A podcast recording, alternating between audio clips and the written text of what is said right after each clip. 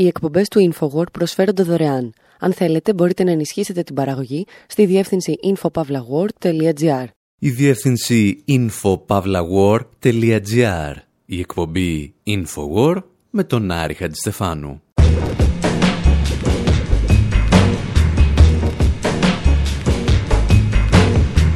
Όπου σήμερα σας αποχαιρετούμε για αυτή τη ραδιοφωνική σεζόν με τραγούδια που γράφτηκαν για το καλοκαίρι, γράφτηκαν το καλοκαίρι ή τουλάχιστον εμάς μας θυμίζουν καλοκαίρι.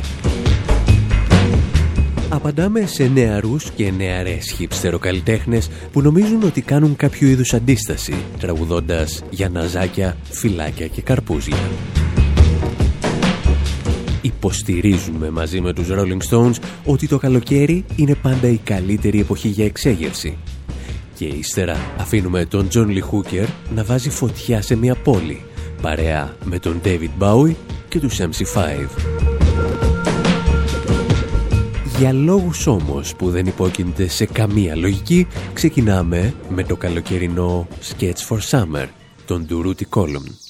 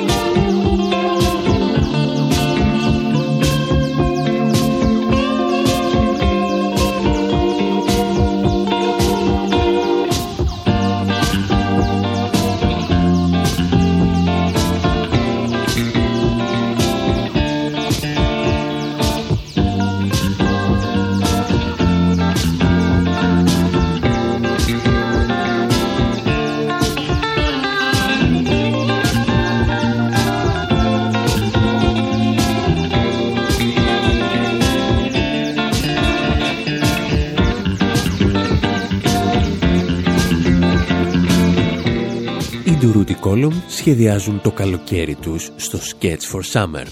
Και εμάς φυσικά αυτό που πρωτίστως μας ενδιαφέρει είναι το όνομα του συγκροτήματος, το οποίο αναφέρεται στη Φάλαγκα Ντουρούτη, το πιο θρηλυκό ένοπλο σώμα των Ισπανών αναρχικών στον Ισπανικό εμφύλιο. Και ύστερα ονόμασαν και το πρώτο τους άλμπουμ «Η επιστροφή της Φάλακας Ντουρούτη», όπως ονομαζόταν δηλαδή και ένα κόμικ του Αντρέ Μπετράν, το οποίο κυκλοφορούσε στις φοιτητικές κινητοποιήσεις του 1966 στο Στρασβούργο. Το άλμπουμ τώρα των Duruti Column που περιέχει και το καλοκαιρινό κομμάτι που ακούσαμε κυκλοφορούσε στα δισκοπολία τυλιγμένο με γυαλόχαρτο. Μία ιδέα την οποία είχαν ξεσηκώσει από το βιβλίο του Γκίντεμπορ «Memoir»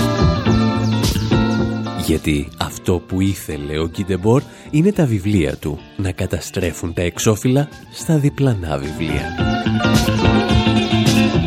Και αν αναρωτιέστε πώς συνδέονται όλα αυτά με το καλοκαίρι, η απάντηση είναι δεν συνδέονται και πολύ.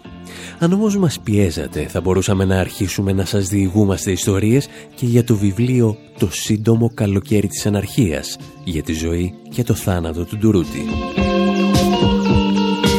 Το οποίο δεν θα κάνουμε γιατί σας λυπόμαστε.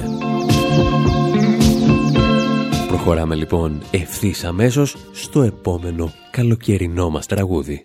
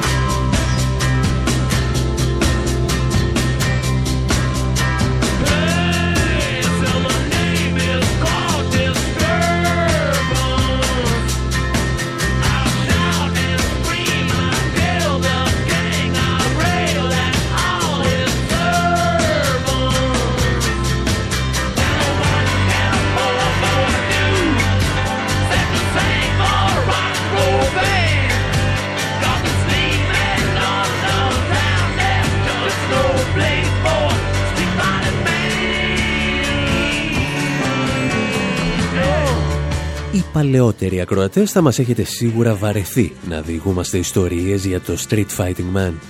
Πιστεύουμε όμως ότι δεν μπορεί να υπάρξει καλοκαιρινή συλλογή πολιτικού τραγουδιού χωρίς το συγκεκριμένο κομμάτι. Για εκείνο το στιχάκι που λέει «Παντού ακούω βήματα διαδηλωτών. Το καλοκαίρι έφτασε και είναι καιρός για οδομαχίες. Θα φωνάξω και θα ουρλιάξω. Θα σκοτώσω το βασιλιά και θα φτύσω τους αυλικούς του». Το καλοκαίρι για το οποίο τραγουδούσαν οι Rolling Stones ήταν φυσικά το καλοκαίρι του 1968, η συνέχεια του γαλλικού Μάη του 68, με λίγο μεγαλύτερη έμφαση στο αντιπολεμικό κίνημα. Ο Μικ Τζάγκερ, ενθουσιασμένος τότε από τις διαδηλώσεις, καλούσε τους Λονδρέζους σε εξέγερση εναντίον της αστυνομίας. Αν διαδηλώσουμε, πρέπει να το κάνουμε στο δικό τους έδαφος. Αν χρησιμοποιήσουν άλογα, θα έχουμε 10.000 άτομα σε άλογα. Αυτό πίστευα όταν βρέθηκα στη συγκέντρωση. Έτσι έπρεπε να γίνει.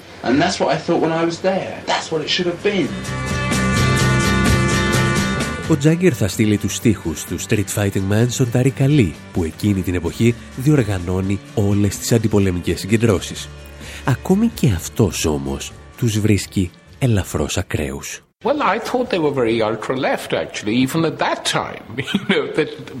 Νόμιζα πως η στίχη ήταν πολύ αριστερή ακόμα και για εμάς. Ο Τζάκρι μου έστειλε το τραγούδι με ένα σημείο που έλεγε ότι το έγραψε για εμένα και μου ζητούσε να το βάλω στην εφημερίδα μου. Συμφώνησα, αλλά όταν το ακούσαμε φερόνα τραβηγμένο. Ακόμα και για εμάς. Πάντως αντικατόπτριζε το κλίμα της εποχής.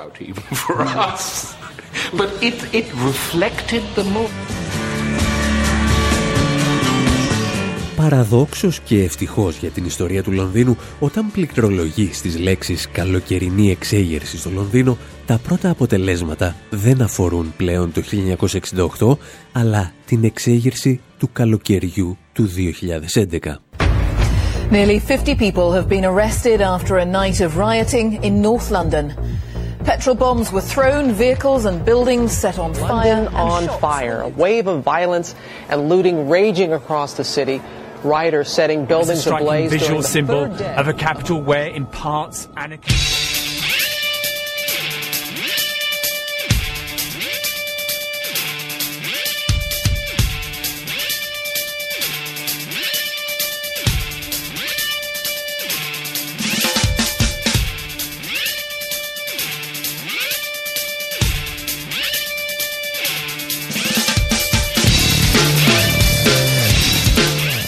Φορά οι Rolling Stones δεν αρκούν για να περιγράψουν την εξέγερση των αποκλεισμένων στην μετά τον Tony Blair Βρετανία.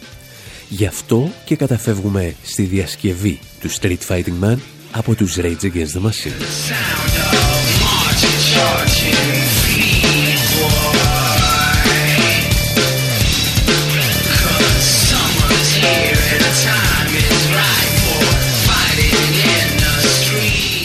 Καλοκαιρινές ταραχές του 2011 ξεκινούν μετά τη δολοφονία του μαύρου Mark Duggan από την αστυνομία στο Tottenham του Λονδίνου και συνεχίζονται για πέντε ημέρες σε ολόκληρη την Αγγλία. Είναι απλώς μια σπίθα που απαιτείται για να βάλει φωτιά σε μια κοινωνική πυρήνητα αποθήκη. Και όπως κάθε τέτοιου είδους καλοκαιρινή εξέγερση θα γεννήσει και τα δικά της τραγούδια, όπως το London's Burning for You. Κάποιοι λένε ότι γράφτηκε λίγο πριν από τις ταραχές και τις προέβλεψε, αλλά σίγουρα τις συνόδευε εκείνες τις ημέρες. Το ακούμε και επιστρέφουμε.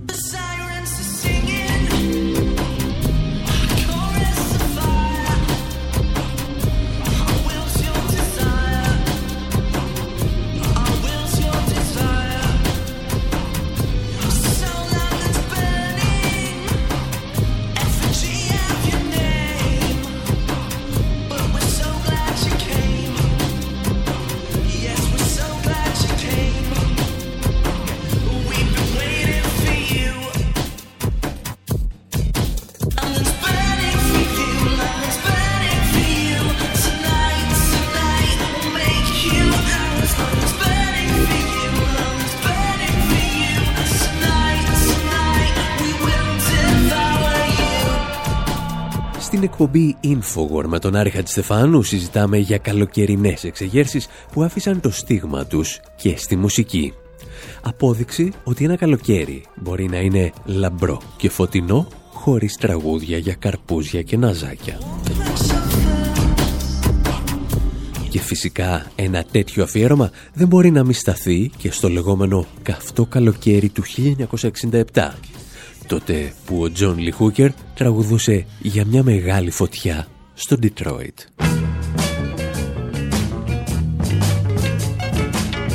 Oh, the motor city is burning. It ain't a thing in the world that I can do. And don't you know? and Don't you know the big D is burning? Ain't a thing in the world that Johnny can do. down, burning down to the ground. The oyster and fear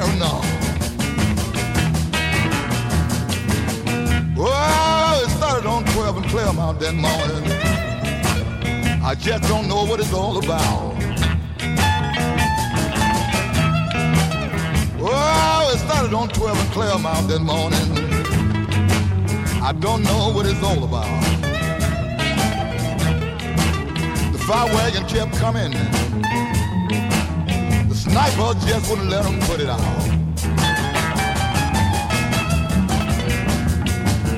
Fire bomb busting all around me. The Motor City is Burning τραγουδούσε ο John Lee Hooker από το άλμπουμ Urban Blues, αστικά blues ή καλύτερα τα blues του άστεως. And soldiers Το Detroit καίγεται και ο Τζόνι λέει δεν μπορεί να κάνει τίποτα γι' αυτό. Η πόλη στην οποία γεννήθηκα, τραγουδά, έγινε χειρότερη και από το Βιετνάμ. Η πυροσβεστική ερχόταν να σβήσει τη φωτιά, αλλά οι ελεύθεροι σκοπευτές δεν την άφηναν να συνεχίσει. trouble ill. Ο Τζον Λι Χούκερ διηγείται την πλέον πολύνεκρη εξέγερση στη σύγχρονη ιστορία των Ηνωμένων Πολιτειών. Τότε που στους δρόμους του Ντιτρόιτ κυκλοφορούσαν άρματα μάχης και στρατιώτες. I just can't sit around to find it out.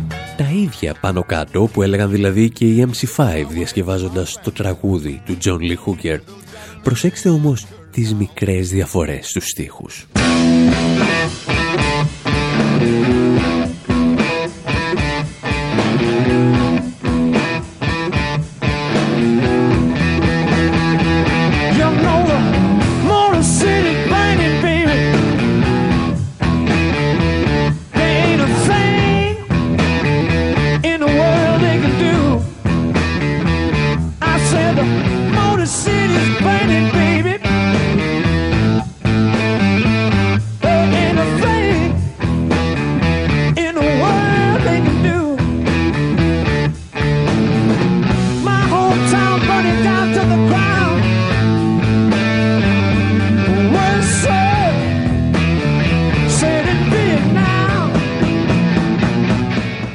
Δική του εκδοχή, ο John Lee Hooker περιγράφει την εξέγερση, αλλά δηλώνει ότι δεν ξέρει πώς ξεκίνησε. Αντίθετα, οι MC5 δίνουν το ακριβές ρεπορτάζ. You know it. Όλα ξεκίνησαν, λέει, το πρωί, στη 12η λεωφόρο. Οι μπάτσοι άρχισαν να πηδάνε και να φωνάζουν και τα γουρούνια στους δρόμους φρίκαραν. Αυτό που εννοούν οι ποιητές είναι ότι τα επεισόδια ξεκίνησαν τα χαράματα της 23ης Ιουλίου, όταν η αστυνομία έκανε έφοδο στο τυφλό γουρούνι, ένα μπαρ στην καρδιά της πόλης, το οποίο λειτουργούσε χωρίς άδεια. Ήταν το στέκι για δεκάδες μαύρους στρατιώτες που εκείνη τη μέρα γιόρταζαν την επιστροφή τους από τον πόλεμο του Βιετνάμ. Οι αστυνομικοί άρχισαν να συλλαμβάνουν και τους 85 θαμώνες που βρίσκονταν στο μπαρ. Σύντομα όμως μαζεύτηκε κόσμος. Τα νέα της αστυνομικής βαναυσότητας κυκλοφόρησαν σε όλη την πόλη και εκατοντάδες κάτοικοι απάντησαν πετώντας μπουκάλια και πέτρες στους αστυνομικούς. Οι ταραχές εξαπλώθηκαν αμέσως στο υποβαθμισμένο κέντρο του Ντιτρόιτ. Στις επόμενες ημέρες, 2.509 κτίρια καταστράφηκαν, 7.231 άνθρωποι συνελήφθησαν και εκατοντάδες τραυματίστηκαν. Και όταν η εξέγερση δεν έδειχνε να ξεθυμένει, κληθήκε ο στρατός για να επιβάλλει το νόμο και την τάξη. Στους δρόμους βγήκαν 8.000 πεζοναύτες. Και αν η μαμά σου και ο μπαμπάς σου σου λένε ότι δεν ξέρουν γιατί έγιναν όλα αυτά, καταλήγουν οι MC5, κατέβα στο δρόμο και θα καταλάβεις. Well, let's feel the air. Come on, come on, come on. Τα επεισόδια του 1967 έγραφε πρόσφατα η Μαριάννα Τζίτζι ήταν τα Ιουλιανά του Ντιτρόιτ. Οι κάτοικοι του Ντιτρόιτ, συμπληρώνει ο καθηγητής ιστορίας στο Πανεπιστήμιο της Νέας Υόρκης Τόμας Σέργιου, συμμετείχαν σε μία εξέγερση ενάντια σε ένα κράτος φιλετικών διακρίσεων, ενάντια στην κτηνοδία της αστυνομίας και τους μικροκαταστηματάρχες, οι οποίοι εκμεταλλεύονταν τους μαύρους πελάτες τους. Το βασικό πρόβλημα βέβαια ήταν ότι το Detroit είχε προπολού πάψει να είναι η ευημερούσα πρωτεύουσα της Αμερικανικής αυτοκινητοβιομηχανίας και η εξέγερση ήταν πλέον θέμα χρόνου. See, they can't see. Ιστορίες που διηγούνταν άλλωστε και ο David Bowie στο τραγούδι του Panic in Detroit.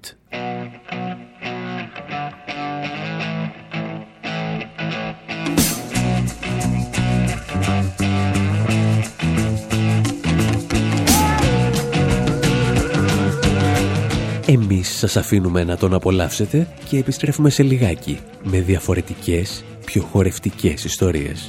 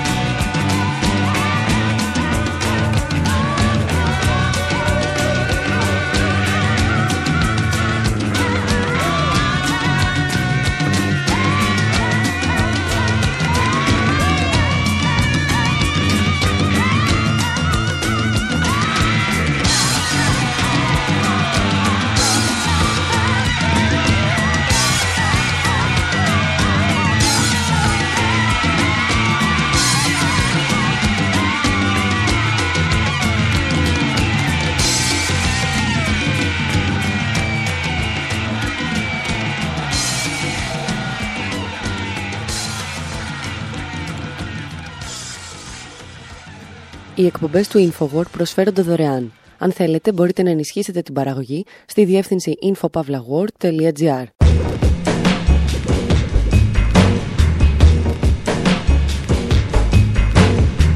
Η εκπομπή InfoWar με τον Άρη Χατζηστεφάνου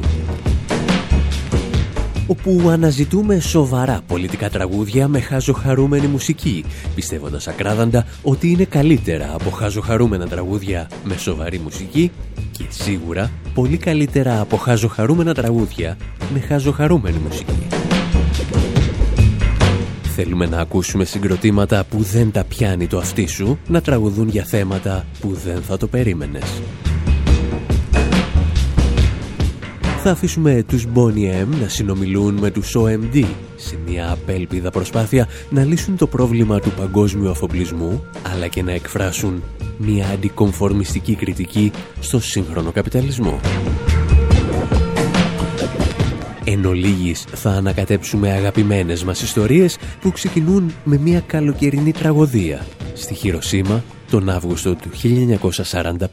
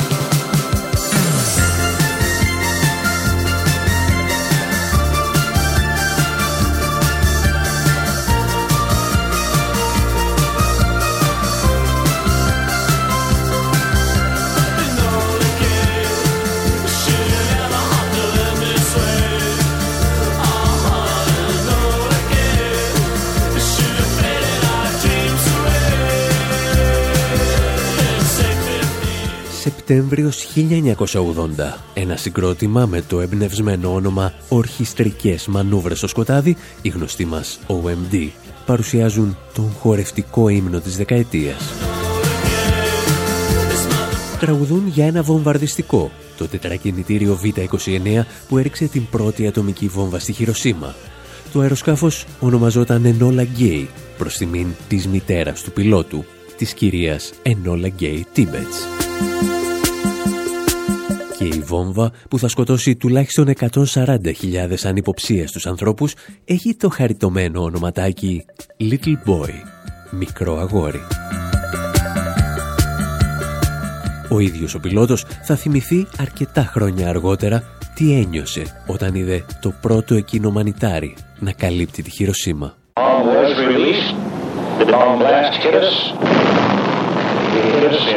Η βόμβα έπεσε και έκραξε μας τύπησε. Μας τύπησε σε δύο κύματα κρούσης, από τα οποία το πρώτο ήταν δυνατότερο. Ήταν μια απόλυτη ανιαρή διαδικασία μέχρι που είδαμε τι ζημιά έχει γίνει. Ήταν δύσκολο να συνειδητοποιήσουμε τι έχει συμβεί.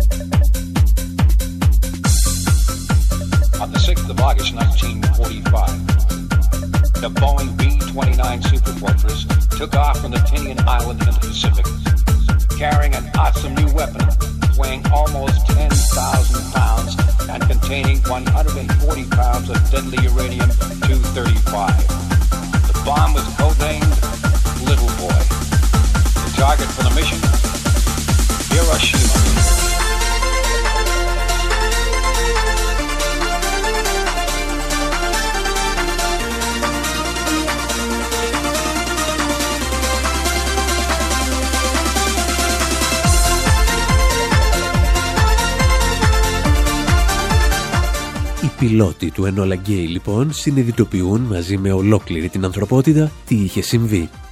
Ο πλανήτης δεν θρυνεί μόνο για τους τουλάχιστον 200.000 νεκρούς της Χειροσύμα και του Ναγκασάκη. Θρυνεί γιατί κάποιοι τόλμησαν να δοκιμάσουν ένα νέο όπλο σε έναν πόλεμο που είχε ήδη κρυθεί και έτσι να επιβεβαιώσουν μια νέα τάξη πραγμάτων. Ο πρόεδρος Τρούμαν τότε, ανακοινώνοντας την επίθεση, ψεύδεται απέναντι σε ολόκληρο τον πλανήτη, λέγοντας ότι η Χειροσύμα ήταν απλώς μια στρατιωτική βάση. Και οι ιστορικοί θα διαφωνούν για δεκαετίες αν ήταν απλός ψεύτης ή ένα από τα πιο αδύναμα μυαλά που πέρασαν από το Λευκό Οίκο. The world will note that the first atomic bomb was dropped on Hiroshima. Ο κόσμος θα μάθει ότι ρίξαμε την πρώτη ατομική βόμβα στη Χειροσύμα, μια στρατιωτική βάση. Θα συνεχίσουμε να χρησιμοποιούμε πυρηνικές βόμβες μέχρι να εξαλείψουμε ολοκληρωτικά την ικανότητα της Ιαπωνίας να πραγματοποιεί πολέμους. It destroyed Japan's power to make war. Ο Τρούμαν όμως θα συμπληρώσει και κάτι ακόμη. Ευχαριστεί το Θεό που έδωσε στην Αμερική την πυρηνική βόμβα και όχι σε κάποιον άλλο. Κηρύσσει μία ακόμη ιερή σταυροφορία. Μία πυρηνική τζιχάντ. We thank God that it has come to us instead of to our enemy. Ευχαριστούμε τον Θεό που η ατομική βόμβα ήρθε σε εμάς και όχι στους εχθρούς μας. Προσευχόμαστε ώστε να μας καθοδηγήσει να τη χρησιμοποιήσουμε κατά βούλησή του και για τους σκοπούς To του.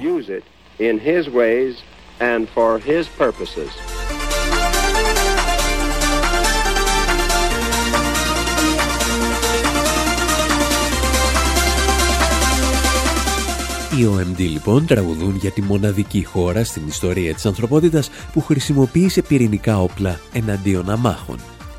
Οι εκπλήξεις στον πολιτικό στίχο, τον δίσκο και τον κλαμπ όμως συνεχίζεται και έχει έρθει η στιγμή να μιλήσουμε για τους Bonnie M.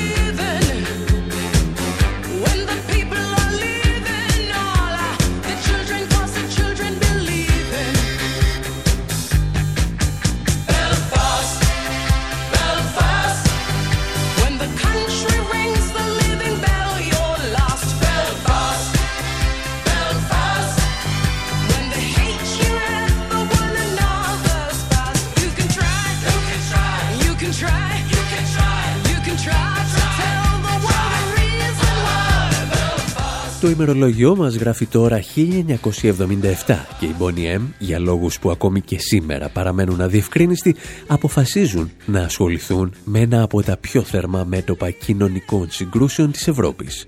Τραγουδούν για το Belfast. Δεν είμαστε σίγουροι αν το είχαν καταλάβει, αλλά οι Bonnie M κυκλοφόρησαν το τραγούδι σαν δεύτερο single ύστερα από δύο από τις πιο σκληρές βομβιστικές επιθέσεις που είχε πραγματοποιήσει ο Ιρλανδικός Δημοκρατικός Στρατός στην ιστορία του.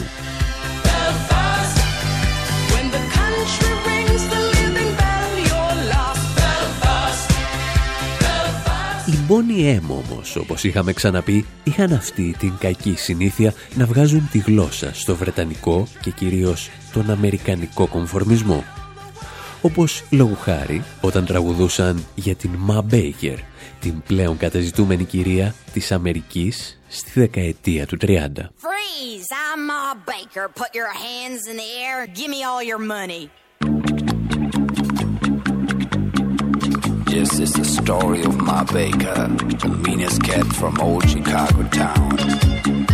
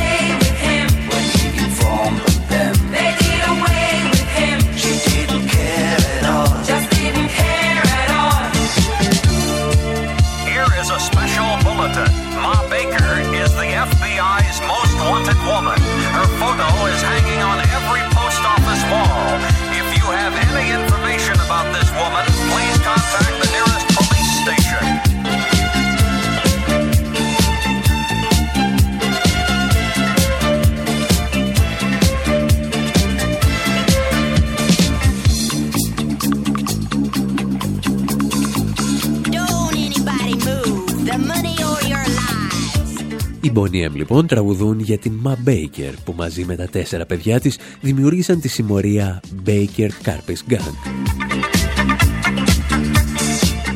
Η Ma Baker εμφανίζεται ως η γυναίκα εγκέφαλος της συμμορίας, Νεότεροι ιστορικοί όμως υποστηρίζουν ότι αυτή την εικόνα δημιούργησε το ίδιο το FBI και ο Edgar Hoover για να δικαιολογήσουν το γεγονός ότι ένα ωραίο πρωί δολοφόνησαν την ηλικιωμένη Μα Μπέικερ.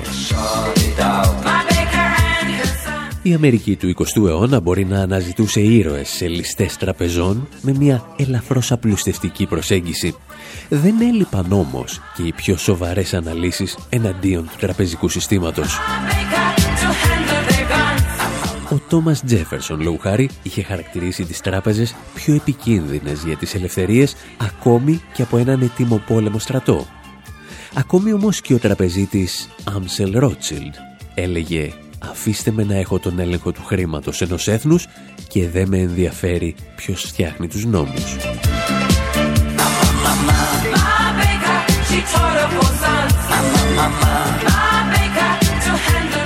Γενικότερα η σκηνή της disco και η μουσική των κλαμπ θα καταγραφούν στο συλλογικό μας υποσυνείδητο ως ο ορισμός του απολυτικ μουσικού κινήματος της δεκαετίας του 70 και του 80 και σε ορισμένες περιπτώσεις έτσι είχαν τα πράγματα. Με μία μόνο μικρή επισήμανση που οφείλουμε να κάνουμε. Στα πρώτα της βήματα η αμερικανική δίσκο σκηνή της Νέας Υόρκης, ουσιαστικά δηλαδή οι άνθρωποι που σύχναζαν σε μέρη όπως το Στούντιο 54, είχαν κάτι που ενοχλούσε το αμερικανικό κατεστημένο. Τη στιγμή που ο νεοφιλελευθερισμός σάρωνε τα πάντα στην οικονομία και ο Ρίγκαν επανέφερε στην αμερικανική κοινωνία κάτι από το προπολεμικό συντηρητισμό, οι δίσκο αποτελούσαν ένα χώρο συνάντησης των καταραμένων του νέου αμερικάνικου ονείρου. Ισπανόφωνοι και μαύροι συναντούσαν ομάδες καλλιτεχνών ή ομοφιλόφιλους που οι γελαδάριδες του Λευκού Οίκου θα ήθελαν να εξαφανίσουν από το πρόσωπο της γης. Και είναι αυτό επαναστατική πρακτική; Όχι αναγκαστικά. Εμείς απλώς είπαμε ότι ενοχλούσαν ορισμένους από τους ενίκους των επάνω ορόφων της Αμερικανικής κοινωνίας. Την ίδια παράδοση πάντως να φέρνει πολιτικό στίχο και νόημα στην πίστα με την δισκομπάλα θα ακολουθήσει αρκετά χρόνια αργότερα και η μία από τη Σρι Λάνκα. Καταλαμβάνει τα μεγαλύτερα κλαμπ με αναφορές σε ένοπλα απελευθερωτικά κινήματα, όπως στο τραγούδι της Γκάλανγκ. Πάρτε μια γεύση και επιστρέφουμε.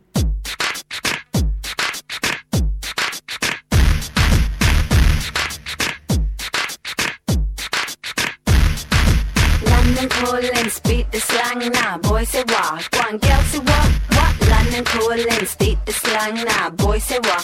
One girl say what?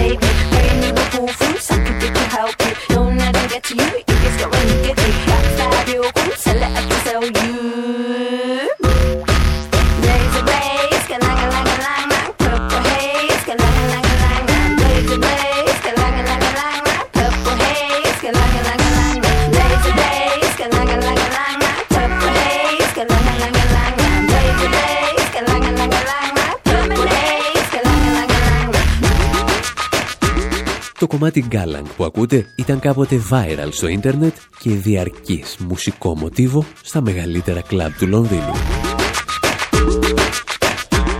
Και πάντα εκεί που νόμιζες ότι είχες παραδοθεί στην απολύτικη κουλτούρα των κλαμπ, η μία ερχόταν να σε διαψεύσει. Στο Γκάλαγκ δανείζεται στίχους των Clash, ενώ στο βίντεο κλιπ ανακατεύει εικόνες από τα σύμβολα των τίγρεων Ταμίλ στη Σρι Λάγκα. Οι τίγρες Ταμίλ, εάν δεν θυμάστε, αποτέλεσαν ένα από τα καλύτερα οργανωμένα απελευθερωτικά κινήματα στον πλανήτη. Ξεκίνησαν τις μάχες για την αυτονομία της Βόρειας Σρι Λάγκα το 1983 και έπεσαν μαχόμενοι το 2009. Στην πορεία έχασαν χιλιάδες μαχητές Ταμίλ, αλλά σκότωσαν και χιλιάδες αντιπάλους τους. Και ανάμεσα στα θύματά τους ήταν και ο πρόεδρος της Σρι Λάγκας, Ράνα Σίγκε Πρεμαδάσα, αλλά και ο πρωθυπουργός της Ινδίας, Ρατζίβ Γκάντι. Ήταν ίσως η μοναδική οργάνωση ανταρτών που κατάφερε να δολοφονήσει δύο αρχηγούς κρατών. Και όσο οι Άγγλοι χόρευαν χωρίς να το γνωρίζουν στους ρυθμούς ενός ένοπλου Αντάρτικου, η μία τους θύμιζε και ιστορίες από την Παλαιστίνη.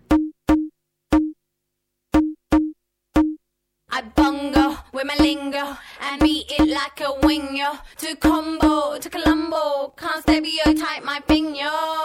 I salt and pepper my mango, shoot spit at the window.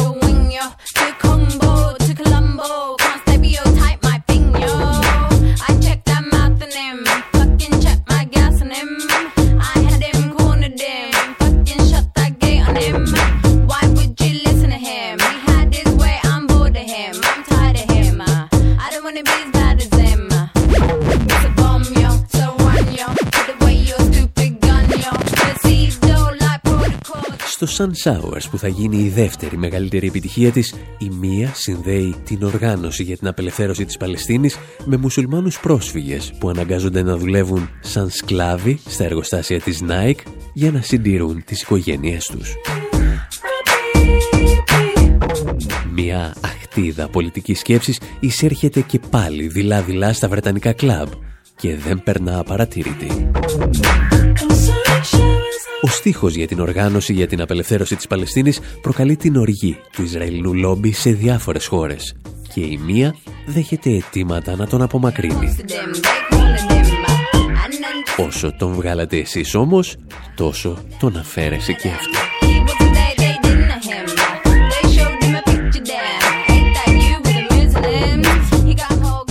Γιατί σας τα λέμε όλα αυτά, γιατί πιστεύουμε ότι ο πολιτικός ή ακόμη και ο επαναστατικός στίχος δεν χρειάζεται να είναι βαρετός και μελοδραματικός.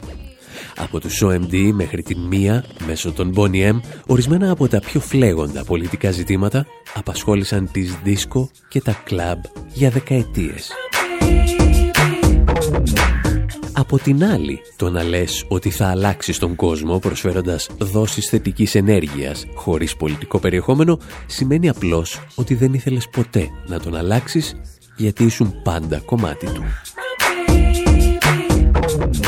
Εμείς πάλι με σκέψεις σαν κι αυτές σας αφήνουμε και για αυτή τη ραδιοφωνική σεζόν. Το Infowar δίνει ραντεβού με καινούργιες εκπομπές το Σεπτέμβριο. Μέχρι τότε όμως μένουμε σε επαφή από τη διεύθυνση info.pavlawar.gr Από τον Άρη Χατζηστεφάνου στο μικρόφωνο και τον Δημήτρη Σταθόπουλο στην τεχνική επιμέλεια, γεια σας και χαρά σας.